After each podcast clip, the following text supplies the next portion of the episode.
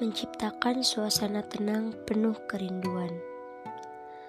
Dengan secangkir kopi untuk sekedar teman. Langit menyimpan berjuta-juta rahasia. Berjuta-juta keinginan. Bahkan berjuta-juta impian. Apa kau pernah tahu? Langit menolak impian hanya gara-gara tidak sesuai dengan si pengimpi. Apa kau pernah dengar? Langit menolak doa hanya karena baitnya terlalu buruk.